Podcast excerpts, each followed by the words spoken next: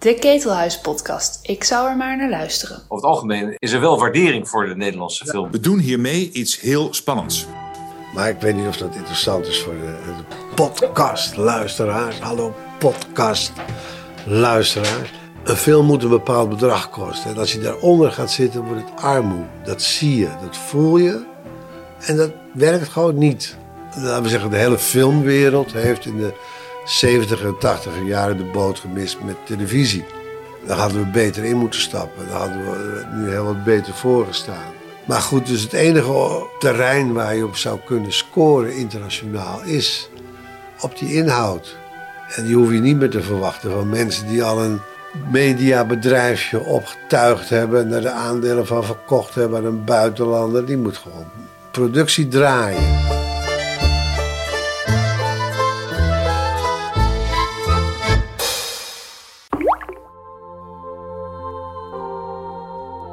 Welkom bij de 37e editie van de Ketelhuis Podcast. Matthijs van Heiningen is vanaf de jaren 70 van de vorige eeuw zo'n 45 jaar lang een gezichtsbepalende factor geweest in de Nederlandse speelfilmindustrie. Als producent van films als Zwaarmoedige verhalen voorbij de centrale verwarming, Het debuut, Een vrouw als Eva, Een vlucht regenwulpen, De stilte rond Christine M., Van de koele meren des doods, De lift, Siske de Rat, Op hoop van zegen, Kees de Jonge, De bende van Os, Het leven is verrukkelijk en ga maar door. Michiel Berkel zocht Van Heiningen op in zijn Amsterdamse grachtenpand. Luister naar de tweede helft van een tweedelig vraaggesprek. Op een gegeven moment heb jij in elk geval gekozen voor uh, het soort stereotype van uh, zoals een producent eruit moet zien. Ja. Het bekende beeld van de bolknak en de... Nou, uh, bolknak. Havana liefst. Havana, Havana, ja, nee, bolknak. bolknak. Dat zijn boeren. Wow. Boeren de bolknaks. Ja. Ehm, die pose, of was het geen pose? Tuurlijk, zeker. Die heb je eigenlijk je, hele leven lang volgehouden. Ja, volgehouden, ja, dat ging zo. Kijk, ik heb altijd geroepen van als mensen een bepaald beeld van je willen maken, hebben, nou, dan ben ik niet te beroerd om daaraan te beantwoorden. Maar is het een soort, is het eigenlijk, wat is het, een karikatuur? Is dat een grap? Is het een diep gevoeld iets van zo hoort een producent eruit te zien? Nee hoor, nee, het was gewoon toch een soort karikatuur, grap. eh. Maar die grap heb je wel heel consequent volgehouden. Nou, nee, ja, ja, misschien voor de buiten, maar niet voor, niet voor mijn eigen gevoel, nee. Nee, eh, ik heb jou nimmer kunnen betrappen op een afgetrapte spijkerbroek en een eh, Nee. eh, slodderig t-shirtje. Nee. Nee, maar dat was- heeft een eh, geschiedenis toen ik met Jan Vrijman dat eh, die, eh, die expo-film ging doen. Toen moesten we ook naar Den Haag, naar Kals voor geld. En zo. Toen heb ik mijn spijkerpak uitgedaan en een blazer en een grijze broek aangetrokken. Dus is- Maar die heb je nooit meer uitgetrokken. die heb ik nooit meer uitgetrokken. Sterker nog, je gaat naar Italië om je pakken. eh, Ja, ja. Maar dus dat is omdat ik. Ja, dat is een periode in je leven. En dat. eh, kijk, nu loopt iedereen met een spijkerbroek. Ja, dan, ja, maar jij niet. Jij, Nee. hebt, het- jij hebt dit volgehouden. ja, ook omdat ik, einde. dat ik een, een, een, een mooie broek, een mooie grijze broek. Ja, of een beige broek, of een cavalry twill broek, of een flannel broek, of een cotton eh chino. Mooier vind dan een spijkerbroek. Spijkerbroek is gewoon werkmanskleren, is, een werkkleding. En dat. Ja, ik hou daar gewoon niet van. Maar goed, nee, oké, afgezien van de spreekbroek. Maar het, het feit van zo hoort een producent eruit te zien. Nee Dat- hoor, dat nee, was nee. wel Kijk, iets nu, wat je- nu is het zo dat juist een producent precies omgekeerd. Een producent moet er zo uitzien als jij. Ik heb een heel duur uh, hemd aan, eh, Eton. Eh.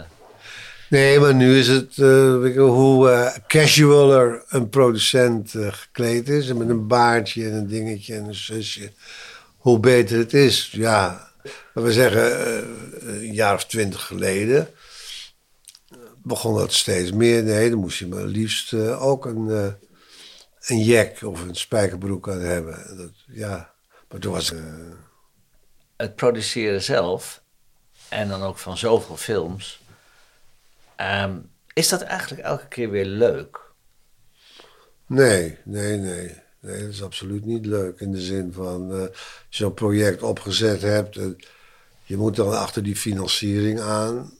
Nee, het leuke is ervan het, het, het opzetten van de film, het scenario, de casting, de, de, de locaties, de regisseur uiteraard. Maar die financiering, dat is een. En dat is dus steeds erger geworden. Vroeger had je, wat ik zei, eh, met drie, vier partijen was je er wel. En daarna werd het steeds ingewikkelder. Toen kwam die televisie om de hoek krijgen, die allemaal, allemaal eh dramaturg in dienst hadden. Het ergste soort wat er bestaat van mensen die niks kunnen en toch ergens eh, een vaste baan hebben. En die jou beoordelen. En ja, die het project beoordelen. Ja. En eh, op, op een hekel aan mij hebben, maar het project beoordelen. Ze hebben een hekel aan jou? Ja, ja, toen, ja, ja. Die theaterwetenschappers en die De- dramaturgen. precies, de theaterwetenschappers. wat zeggen ze over jou, denk je? Ik weet het niet. Ik heb er nooit een open gesprek over kunnen hebben. Maar had die televisiedramaturgen. en Toen bij alle fondsen die theaterwetenschappers opeens... die nog nooit iets gedaan hadden in hun leven. Behalve scripties schrijven over... eh, nou ja, het zal weer over Hitchcock gegaan zijn. En, eh, dus dat was toch behoorlijk eh, hinderlijk. En je krijgt dus steeds meer partijen waar je waar je eh, een stuk financiering weg moest halen. En dat, eh, ja, dat werd toch erg vervelend. En nu kan je eigenlijk al niet meer zonder, co zonder co-productie land. Dus je moet Europees gaan werken met fiscale maatregelen. Het is, ik bedoel, nu, als je nu een filmpje wil maken van een paar miljoen, dan ben je eigenlijk continu bezig met die, met die financiering. Je komt nauwelijks meer toe aan. eh, Maar was dat dan in jouw tijd, zeker in de begintijd, was dat wel anders? Absoluut, Ja. ja. En je had het, eh, nou ja, nogmaals, je had het productiefonds voor een. Oh ja. Dan had je dan eh, Bosman of Blokker. En zo'n Bosman zei dan tegen je, dan kwam je daar als jong jongetje van, met een project van dat wil ik maken. Is iets met Adriaan Ditfors of zo. En dan zei hij, nou jongen, ik zou het niet doen als ik jou was. En dan zei hij, nou ja meneer Bosman, we willen dat er wel heel erg gaan. Nou ja, goed, als je dat per se wil, dan... eh, ja. En dan distributeur, hè, zoals eh, de, de oude gestaan of iets, die dan ook ja, ja, die zat er ook in die productie. En dan eh, met nog wat, dan kwam je er wel. Maar nu heb je twintig. En je ziet ook bij elke film, er zitten tien producenten op, uit alle, allerlei hoeken en gaten. Ja, dat klinkt misschien een beetje gezeur van de oude man, maar het, het maakt het, het, het filmen erg moeilijk. Dus je moet of weer helemaal terug naar een kleine artfilm waar je het voor het zelf voor het zeggen hebt. Of naar een hele grote commerciële film. Maar dan heb je met heel veel partijen te maken die je allemaal eh, tevreden moet stellen. Het is wel opvallend, want in jouw eh, filmografie, daar eh staan drie, heb ik dus geteld. Het is een periode van 45 jaar. Heb je 43 films geproduceerd. Ja, En tussen 2003 en 2011 zit een gat van acht jaar. ja, En dat is helemaal niks. Nee. Dus dan heb je Kees de Jonge gehad in 2003. En Precies. in 2011 de Bende van Os. precies. Ja, nee, En dan denk je 43 films, dus dat moet dan één, ongeveer één film per jaar zijn. ja zeker. Maar er zit dus acht jaar Tussen, ja. met niks. ja. Wat was dat toen? Dat, eh, toen ben ik bezig geweest met de opzet van de Gijsbrecht. Acht jaar. Ben ik acht jaar, ja, nog een paar projecten er tussendoor die allemaal niet. eh, zoals Camera Obscura leek me ook zo leuk om eens een keer te doen. Een film die nergens over gaat. In een tijd, 1848, dat heel Europa in brand staat, behalve in Nederland. Ja, dat leek me ook. Hildebrand bedoel je? Ja, ja, De Camera Obscura. Camera Obscura, Ja. ja, ja. En eh, nog een film over Olga de Haas van de grond proberen te krijgen. Nee, allemaal dingen die gewoon niet wouden. Maar die, Wie, ja, wie wou dat niet? nou ja, het de, fonds. de fondsen, nou de financiersfonds. Want ik, met, met eh, Gijsberg, dat, kreeg ik maar niet rond. Dat was een, eh, een scenario van uh, Gerben Hellinga en Teu Boermans. Daar ben ik zeker zes, zeven jaar mee bezig geweest. Daarnaast, naast die andere projecten. En ik had daar, uh, ik geloof, 6 miljoen voor bij elkaar. En dat moest meer kosten. Dat, dat kon daar niet voor gemaakt worden. Dus ik heb al dat geld wat ik al had, allemaal weer terug moeten geven. Nou, pijnlijk, hè? Dus de, Dat is de fondsen, de, de, de distributeur, de, de omroep, eh, echt. Maar je had al de toezeggingen van Ja, al ja, die, ja, eh, ja. Maar ik kon, dat was het grappige, ik weet niet. Maar Gijsbrecht, als het misgaat allemaal, dan vlucht hij naar Duitsland. ja. Dus ik vond dat Duitsland ook mee moest. en die kon ik niet over de streep krijgen. Ik heb alles, eh, Hamburg, Berlijn, eh, München, al die lokale, geen één wou eraan. Ik kon dat niet en ik moest iets van, nou, kijk, 10 miljoen bij elkaar hebben. Maar dat, dat lukte me niet. Want hoeveel had je? Ik had zes. En ik dacht, daar ga ik het niet voor doen. Want dan Dat had op zich natuurlijk wel gekund. Nee, nee, nee. Dat, zie, nou, nee, dat is toch een regel in het filmen. En dat, was, nou, dat zie je nou ook weer met, met eh, de Schelde. Een film moet een bepaald bedrag kosten. En als je daaronder gaat zitten, wordt het armoe. Dat zie je, dat voel je. En dat werkt gewoon niet. Dan krijg je, eh, ja, nou, bij, Michiel de Ruiter is dat nog wel gelukt, maar dat was ook behoorlijk. eh, die, en die Roel Reinier, die kan dat mooi, eh, die kan het goed. Daar is, daar is hij echt goed in.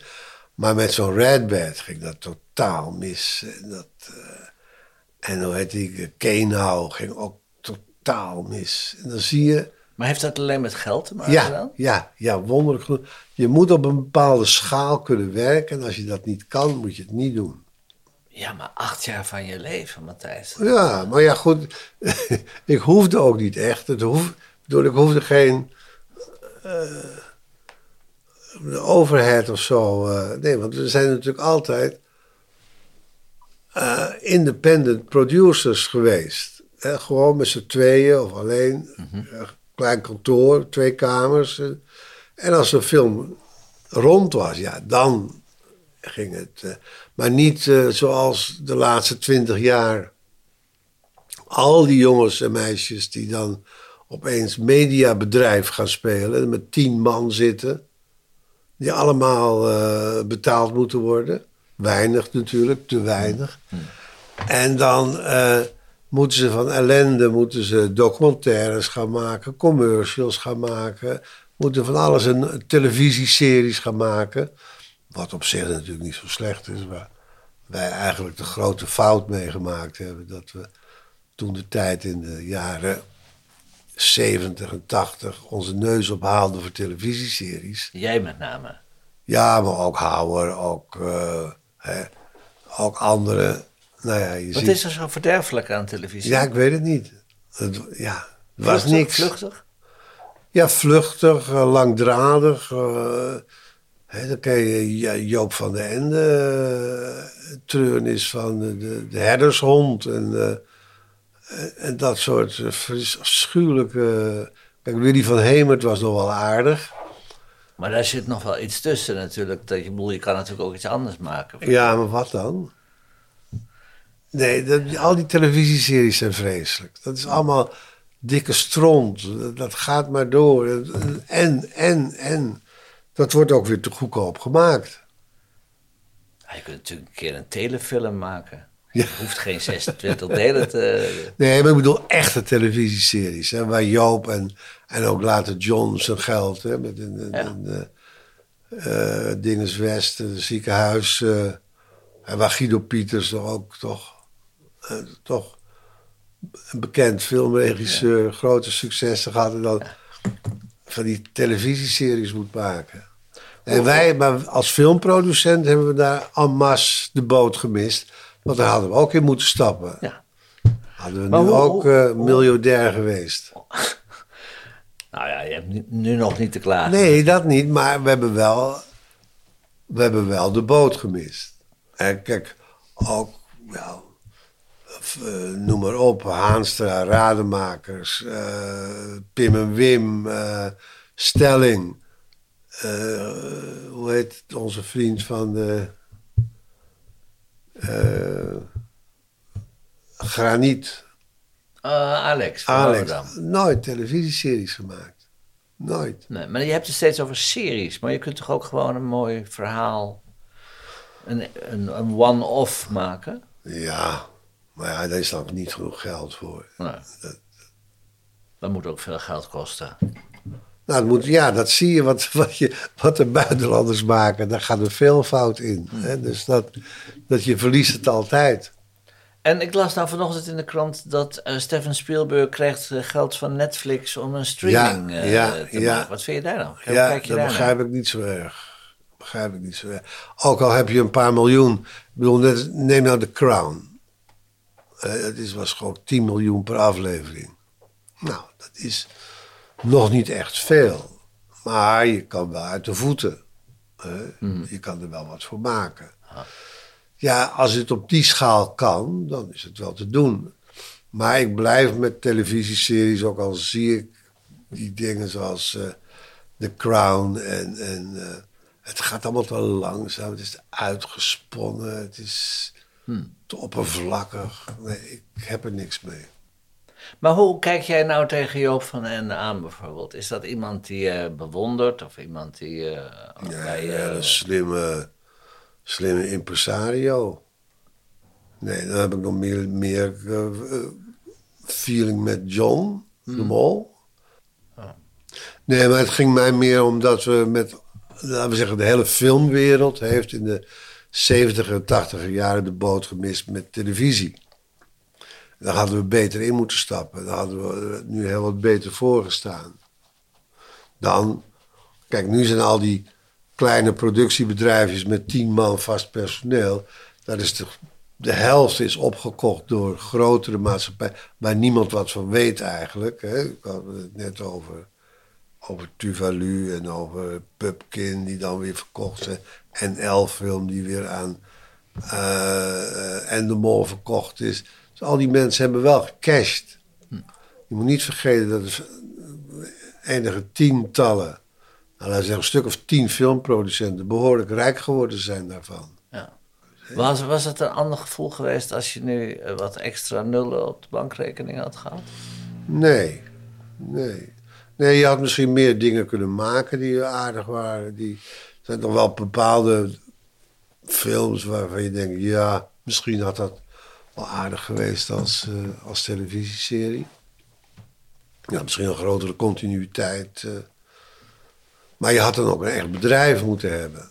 Op moeten zetten. En wij, dat, dat hebben we nooit gewild. We hebben altijd als independent, als onafhankelijk producent, maar dan werkelijk. eh, Hoe, bela- nou, hoe belangrijk is het? Niet echt, Afgezien van de clichés die je over geld ja, kan nee, gaan, niet eh, echt. Niet echt. Nee? Nee, het is toch, ja, het is ook weer cliché. Je bent je hele leven met geld bezig geweest natuurlijk. Ja, maar ja, om daar iets mee te maken. En dat, je had het nodig om iets te maken. En je had altijd te weinig, omdat het eh, gewoon niet genoeg opleverde hier eh, in het kleine taalgebied.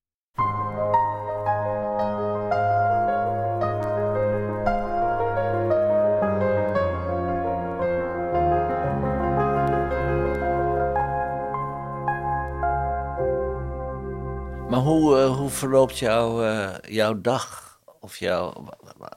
Nou ja, we zitten net, eh, we, zijn, we, zijn we op wereldreis geweest. Dat wou ik ook steeds, maar die wereldreizen, dat, is ook we- World Cruise. Die eh, gaan altijd in het voorjaar, hè? januari, februari, maart, april, mei. Maar dan hadden we altijd wel weer een film die in première moest. Nou, toen de laatste in première was die van, van Frans, Het leven is verrukkelijk. En in het was 2018, toen konden we eindelijk 2019 konden we op World Cruise. Nou, dat hebben we keurig gedaan.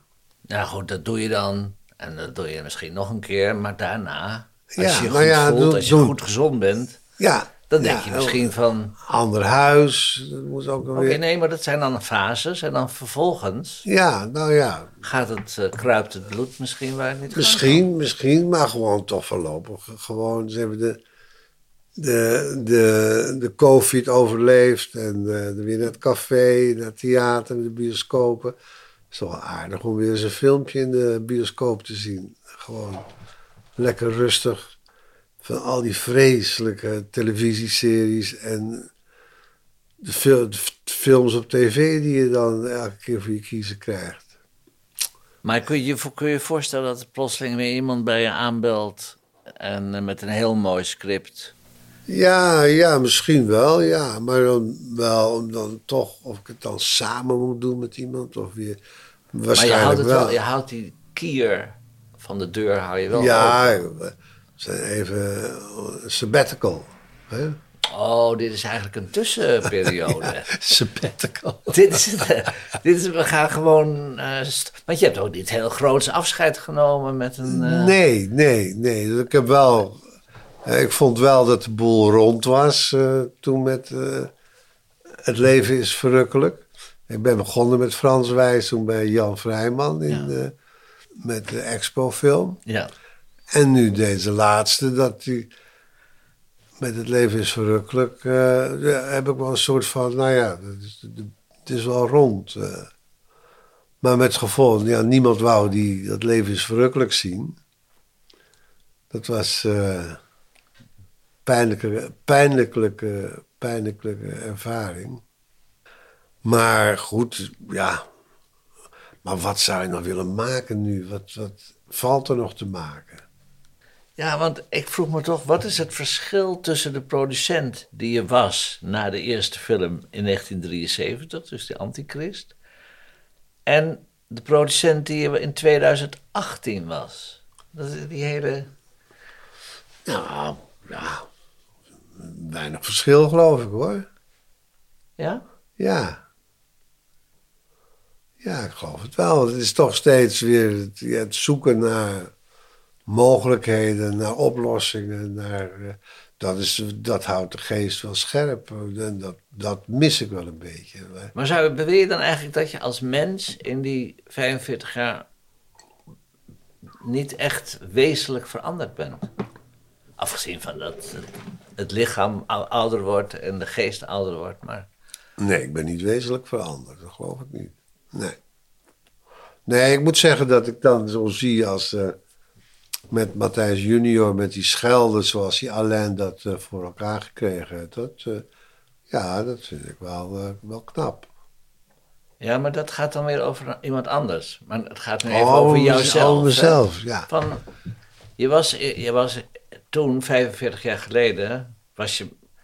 Ja, nou ja, dat, moet- dat moet jij zeggen. Wat ik was.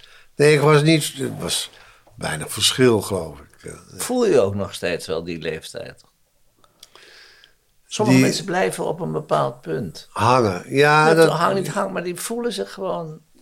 Die hebben, als je zegt hoe oud ben je, ja, dan heb je een, eh, geboorteleeftijd, maar je hebt ook een gevoelsleeftijd. ja, nee, dan zit ik nog steeds wel in die, eh, laten we zeggen, 80 jaren, geloof ik. Eh, Ja. Want ik heb jou meegemaakt in die tijd, eh, toen ik in het Polmanshuis wel eens Oh, ja, ja, ja. En dan was het, oh, Matthijs is in huis, dus dat wordt Gedoe- gedoe. beledigen, gedoe, geschreeuw. En verdomd, en dan zat ik naast Monique van de Ven en die zei dan van, oh Matthijs, alsjeblieft, niet doen. En dan ging je, ja. ging je los. Ja, maar dat was ook heel duidelijk eh, een, een duidelijk opponent. Hè? Dat is natuurlijk nu allemaal wat vager geworden. Dat, dat, Wie was dan eigenlijk je opponent? ja, ja, de hele situatie volgens mij. Dat, je wond je verschrikkelijk op. En iedere keer was het, eh, werd je ook een beetje zo eh, gevraagd van, eh, het is wel genoeg zo. ja, wil je een beetje kalm houden. Ja. Die Nee, opwinding, waar is die, is die er nog? nee, dat is wel wat minder. Laten we zeggen, in die zin, maar dat hoor je overal natuurlijk. Ja, ik ben wel milder geworden in die, eh, in die zin. Wat dat betreft, is er niet zoveel meer om je over op te winden. Behalve dan de hele, Er is situatie. heel veel om je over op te winnen. ja, de hele situatie natuurlijk. Je wint je op over dramaturgen en the- theaterwetenschappers. Die Ja. bepalen of een film geld krijgt. Ja, ja. Nog steeds, nog steeds. Het is nog steeds niet... eh, ik had gedacht dat het wel over zou zijn. Maar ja, dan krijg je zo'n Bero Beijer daar bij dat filmfonds. Dan denk je, oh, jongen, jongen, jongen. Wat is er mis met BROB? Alles, ongeveer. Dus dat is moeilijk te benoemen. Maar laat hij een film gaan maken in plaats van... eh, Heeft hij gedaan? Ja, dat weet ik. Ja, nee, hij heeft wel eens een filmpje gemaakt. Ja, ja. Midden-Oosten, ja. Wat van Frans eh, Afman wou dat niet draaien. Kan je het nog herinneren? Nee. Die vond dat verschrikkelijk. Een aardig filmpje hoor, Biro bij. Maar zoals hij dat in Rotterdam, ja. Maar goed, daar zit zo'n crew omheen, dat kan niet mis. Maar ja, we moeten zien eh, hoe hij dit nu doet. Maar dat, dat wordt toch weer zo ingebed en doorgelicht en eh, zo gerekt en gekneed en ge, dat tegen de tijd dat de film gemaakt moet worden, alle, alle leven eruit is. Dat, Ja? Ja, is. Kijk, wij riepen toen de tijd al, dat- ze hebben geen fantasie bij het fonds en bij de, bij de televisie al helemaal niet. Zo'n NPO. eh. maar eh, ja, benijd de mensen niet die daar nog mee moeten werken. Nee, als je ervan uitgaat dat overheid alleen eh, projecten moet steunen of die het niet commercieel kunnen redden. Ja, dan moet je bijspringen. Maar dan moet het ook wel iets zijn wat een beetje handen en voeten heeft, wat ergens over gaat. Wat, wil je nog internationaal een beetje mee kunnen? En waar wij het alleen maar, eerder geroepen, is het waar wij alleen maar kunnen mee eh, werken, mee, eh, is een, een, een, psychologisch drama, zo, zo kleine films die, nou, en dat kan je dan misschien het beste zoeken, dat hoef je niet bij Johan eh Nijenhuis te zoeken. En die neemt gewoon een Tsjechisch scenario en dat, eh dan bakt hij een Nederlandse film mee.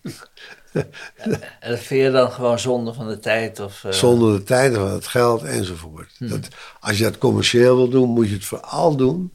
Hè, met RTL en, en, en eh, distributeuren als Wilco Wolfers moet je vooral doen. Maar niet van eh, overheidsgeld, vind ik.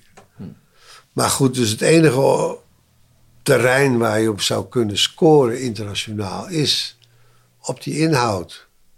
Ja. En die hoef je niet meer te verwachten van mensen die al een mediabedrijfje opgetuigd hebben en daar de aandelen van verkocht hebben aan een buitenlander. Die moet gewoon productie draaien. Dus dan, kom je vanzelf bij jonge mensen uit. Kijk, en e- elk beginnende producent en regisseur, die maakt zijn eerste film, is, eh, nou, dat is bij ons precies zo gegaan, maar zijn eerste film is dan eh, is apart, is nieuw, is, eh, en, en daar kan je, en we hebben toch met zwaarmoedige verhalen voor bij de centrale verwarming, hebben we Berlijn geopend. Openingsvoorstelling van Berlijn. Nou, nu als je een nominatie krijgt voor Berlijn, krijg, krijg je, al, eh, krijg je al geld mee. Hm. Maar Rijk de Gooijer toen van het toneel afgesleurd werd omdat hij eh, eh, Duitse teksten ging roepen. Dat was echt. Bij jouw voorstelling? ja, ja, da- daarvoor, hè, over. Oké. met dokter Bauer. Oké, dit verhaal ken ik niet hoor. Nee? Vertel, vertel. Nou ja, wij waren uitgenodigd om de openingsvoorstelling van het Filmfestival Berlijn met eh, zwaarmoedige verhalen voorbij de centrale verwarming. En de laatste is eh, Johnny en Rijk in dat roeibootje. Ja. Dat, eh, Ja.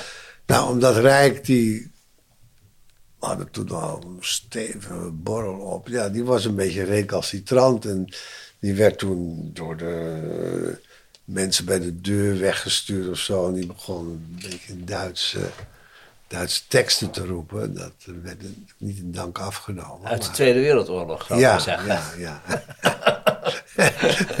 en die is toen nog persoonlijk door dokter Bauer eh, naar binnen gehaald. Omdat we onze hoofdrolspeler eh, kwijt waren. Ja. Nee, dus dat, dat ja, zo'n eerste of tweede film, dan ben je... Ik denk dat dat eh, de familie is. Is dat, eh, zit er iemand aan de deur? Dat is iemand aan de deur. Dat was de glazen wasser. Ja, dat had uh, Guur al aangekondigd. Dat die zou komen? Ja. Oh, nou, dat was hij dan.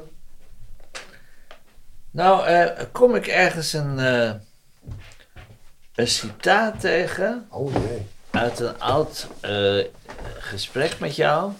Ik weet niet meer precies waar het stond. Eh, de mensen interesseren me niets. Ik maak gebruik van ze. Voor liefde en begrip ben ik niet in. Als ik mezelf zo bezig zie, denk ik vaak: dat is niet een echt aardige man. Herken je dat? Nee, niet echt. Oh. Dat laatste wel, maar dat, de rest, nee. Heb ik dat in een interview gezegd of zo? Ja. ja. Voor liefde. De mensen interesseren me niet, ik maak gebruik van ze. Voor liefde en begrip ben ik niet in. Als ik mezelf zo bezig zie, denk ik vaak: dat is niet echt een aardige man.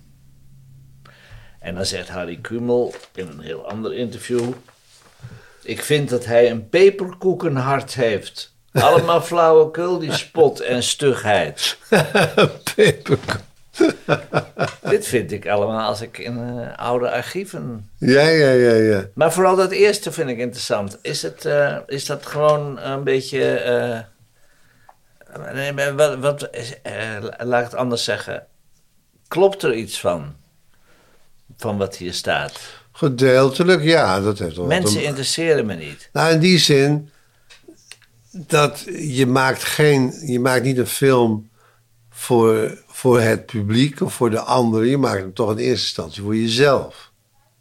En wat je zelf mooi vindt. En dan hoop je maar dat die anderen het ook mooi vinden. Maar het is niet zo dat ik nou.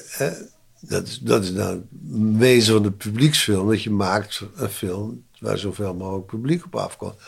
Nooit gedaan. Dus in die zin, ja, Maar is interesseert dit, het maar dit, is, publiek. dit is meer een algemene zin. Dat Ja, maar dat mensen dat. jou niet zo interesseren. Nou ja, het, het publiek, de mensen interesseren me niet zoveel. Oh, dit is- maar, gaat over publiek. gaat niet over mens, de mensen in het algemeen. nee, het gaat duidelijk over het publiek. Nee, over Hmm. mensen heb ik niet zo'n. eh. Nee, het is altijd dat. Het uitgangspunt was: je maakt een film voor jezelf, die je zelf mooi vindt, die je zelf zou gaan zien. Mhm. En dan, ja, als er geen mensen komen, is het pech. Hmm.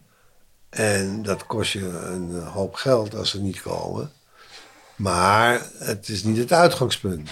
Maar dat is toch iets anders dan voor liefde en begrip ben ik niet in. Ja. Wat je daarmee bedoelde. Nee, dat kan ik niet goed plaatsen. Nee, maar dat lijkt net alsof je een, eh, inderdaad, een, het imago, maar misschien speel je dat ook. Van ik ben een keiharde zakenman. Nee, ik ben geen. Ik ben helemaal geen zakenman. Als ik Nee? zakenman geweest was, dan... eh, Dan had je geen kasteel gehad. dan nee, misschien wel twee of drie. nee, dat... eh, nee, maar dat is ook zoiets. Dat, kijk, dat heb ik ooit gekocht. Dat kasteel. dat kasteel. Want A had Louis van Gasteren tegen me gezegd... Geld, als je geld verdient met een film... moet je het nooit op de bank zetten, gelijk in stenen stoppen. Nou, had ik gedacht, dat is een wijze, wijze raad, wijze raad. Heb ik het over 19, pak een beetje 72 of 75. En ehm, toen dat gebeurde, toen dacht ik, oh ja, ik wil een bioscoop kopen. Ik, en toen wou ik de Alhambra kopen. Prachtig. En toen, want we hadden daar montagekamers onderin. En dat wilden ze me niet verkopen. Wat zij vonden, hè, de, de directie van Tuschinski, de, de, een filmproducent moet geen theater hebben. Dat is, en een distributeur ook niet. Hè. Dat is ellende. Dat eh, gaan ze ons vertellen wat we. Dat doen we niet. Toen heb ik eigenlijk uit balorigheid dat kasteel aan de vecht gekocht. Wat niets met film te maken heeft. Nee. Behalve dan toen ik voor Jan Vrijman aan het locatie zoeken was voor de expo. Voor een bepaalde scène met bloemen en boten. Fietste ik langs de vechten. Toen zag ik dat. Ik denk, nou, daar zou ik ooit nog wel eens willen wonen. Toen was dat eh Bolenstein. Ja. Maar dat, dat komt eigenlijk door Tuschinski. Dat ze dat Alhambra niet aan me wilde sluiten. Toen heb ik nog geprobeerd om de Roxy te krijgen. Ook niet gelukt. Toen later ben ik met Roeland samen aan de movies begonnen. ja. Ze hebben tien jaar lang die movies gedaan. Hoe vond je dat? Oh ja, was heel, wel plezierig, ja. Zou je, zou je weer willen? Ja ik zou best wel. Ik heb nog eens met Robert Swaap geprobeerd om aan de, de Cinecenter. Ja. Maar eh, die, ja, die, ja. Dat was mijn achterbuurman op het Singel, hè. Ja, maar zou je wel weer een bi- bioscoop willen hebben in Amsterdam? Ja, ik zou wel weer een bioscoopje willen hebben, ja. ja. Maar dus de, toen heb ik tien jaar lang die, die movies eh, gehad. Maar het het vervelende van de bioscoop is, ik weet niet hoe jij dat ervaart, maar als je zo'n bioscoop hebt en een restaurant erbij, je doet geen flikker meer. je gaat er lekker naartoe, een filmpje kijken, een beetje eten, een beetje zitten. Ja, dat is geen werk. Is dat geen werk? Nee, dat is geen werk. Je, je zit er een beetje, eh, je, oh, wat zullen we nou eens draaien, wat dat en dat. Maar je doet eigenlijk niks. Ja, zo zie ik dat toch niet. Maar Nee, maar ja, dat kan, dat kan. Maar dat had ik sterk hoor. Dat ik, eh, we hebben ook in die tijd, dat was van... Want eh, leg, dat eens uit, je doet niks. Wat, je, je- Nou ja, je zit daar, je een beetje met het publiek lullen, ze kijken en... en nee, dat, Ook weer zaken kijken dat het eh, af, dat BTW Ja. en het... eh, Ja, ja, ja. Maar het is niet echt werk, vind- vond ik. We hebben dat tien jaar dat is dan gedaan. echt werk. Ja, dat je daar dag en nacht mee bezig bent. Dat, dat- Want met produceren ben je wel dag. en ja, dat is op het scherp van de steen. Als het misgaat, dan kost het opeens een heleboel geld. Hmm. En dat had ik bij die bioscoop niet. Daar werd ik heel lui van. Maar je zei eigenlijk, ik ben geen zakenman. Nee, nee, ik heb nooit eh, nee, echt zaken gedaan. Zaken doen. Ja, maar toen jij in Cannes de lift verkocht aan Warner Brothers. Ja, dat deed de agent. Dat deed Don Getz. Oh, ik dacht dat jij die onderhandelingen had. Nee hoor, Maar je was er wel natuurlijk. was er wel bij. Moest, maar hij wist wat hij moest vragen. Hij, eh, nee, zonder agent was dat nooit. eh, Oh, jij had die bedragen niet zo en je, je wist allemaal niet precies hoe dat... eh, Nee, nee. Vandaar dat je zegt, ik ben geen zakenman. Ik ben, nee, die zin, nee. Nee, zoals, eh, eh, hoe heet het, Joop en, en John hun zaken gedaan hebben. Ja, dat, nee. Kom ik niet bij in de buurt. Zakenman, maar je bent wel zakelijk. Ja, zaken, nee. Ook niet. Nee, dan zou ik toch eh, geef jezelf dan eens een... een, een een cijfer. nee, nee, nee, nee, het cijfer. Een, een juistere... Niet za geen zakenman. Nee, nee, dat een geld is- eh, nee, je dat bent eh, artiest, je bent kunstenaar, je bent... Nee, ben cultureel ondernemer. Ah, Dat was ik. kijk. Nee, maar dus dat geld was alleen maar om zo'n budget van zo'n film rond te krijgen. Hmm. En verder eigenlijk niet. En dan zo goed mogelijk eh, percentage met de distributeur eruit te persen en met de theaters eruit te persen. Maar niet zoals die eh, producenten daarna die, die rustig 50% weggaven van, eh, aan de distributeur en, en nog meer aan de theatereigenaren. Want dat maakte niet uit of die film wat opbracht of niet, want die was toch helemaal rondgefinancierd. Terwijl wij in het begin, zeker, ik nam wel in een groot, groot aandeel erin, dat echt opbrengsten kon. eh, Ging het echt om de opbrengsten. Nou, die kwamen er wel. Kijk eens, allemaal thee, hè, Mila. Alsjeblieft. Oh, lekker, dankjewel. Alsjeblieft. Ja, ja, hou me recht. Oh, Een zoetje. Een zoetje. Een koekje, zet maar neer, zet maar neer. Dankjewel. Nou. Dat is een heel gedoe. Nee, maar ik geloof dat de meeste producenten zelfs eh, niet, niet zakelijk zijn. Ja, is dat zo? Ja. ja Malta, nee. niet zakelijk. Nee, slim. Sluw. Geldt het ook voor jezelf? Slim? Slim, sluw? Nee. Nee? Nee, creatief, maar niet. Cultureel ondernemer. Op, oplossingen bedenken. Nee, maar zoals Dave Schram bijvoorbeeld. Of, eh, nou ja, gaat ook wel eens mis, zoals bij Laurens Scheels. Maar die deugde gewoon ook niet. maar dat... eh, nee, dus het is altijd in dienst... Maar al die producenten toch in dienst van de film. Had je graag Flodder gedaan? Nee. Zag je het meteen het succes dat het zou gaan worden? Nee. Nee. Wat ik wel een leuke film vond was Amsterdam.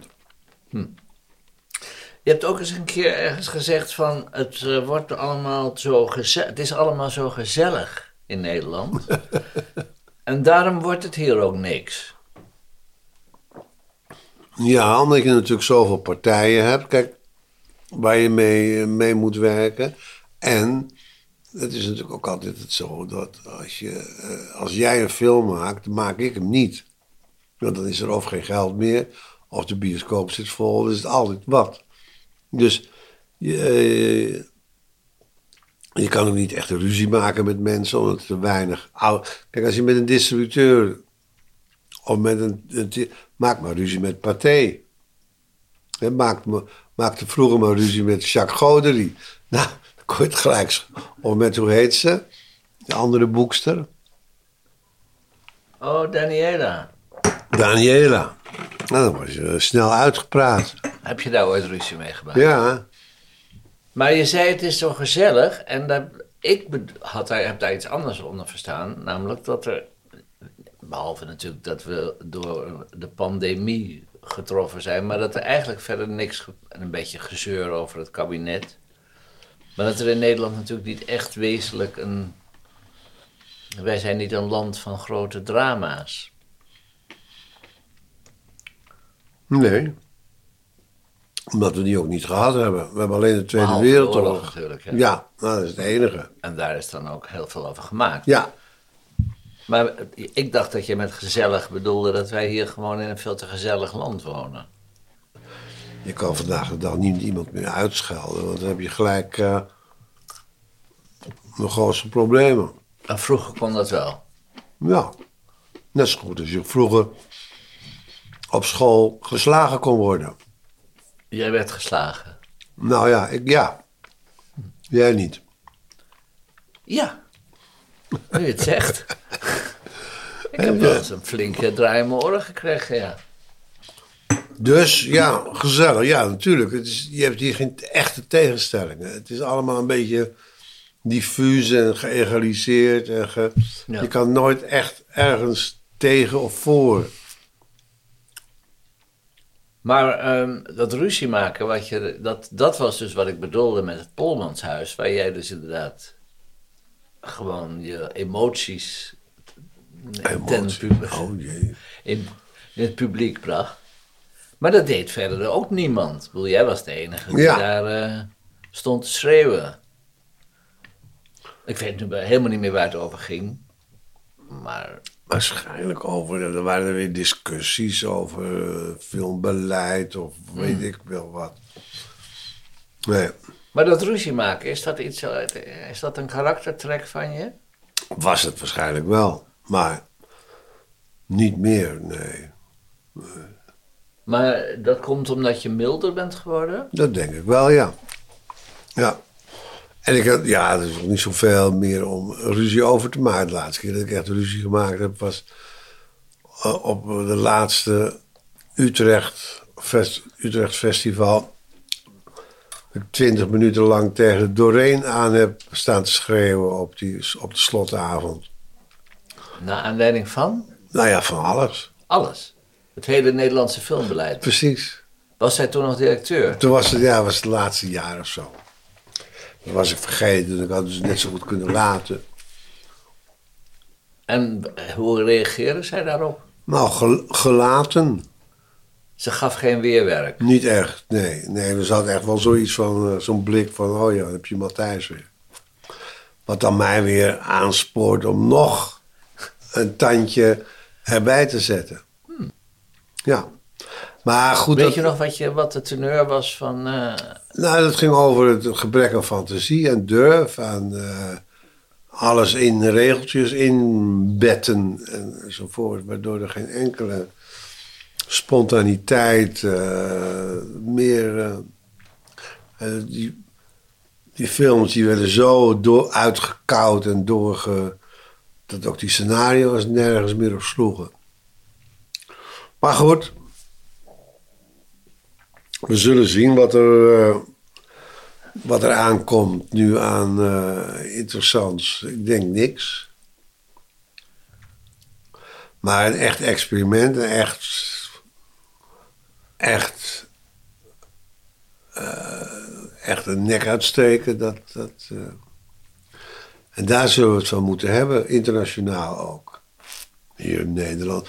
Nou ja, als je ziet als zo'n eerste aflevering van na de COVID van de filmkrant, wat er toch gedraaid wordt in het land, in al die filmhuizen. Dat is natuurlijk toch wel een grote belangstelling voor,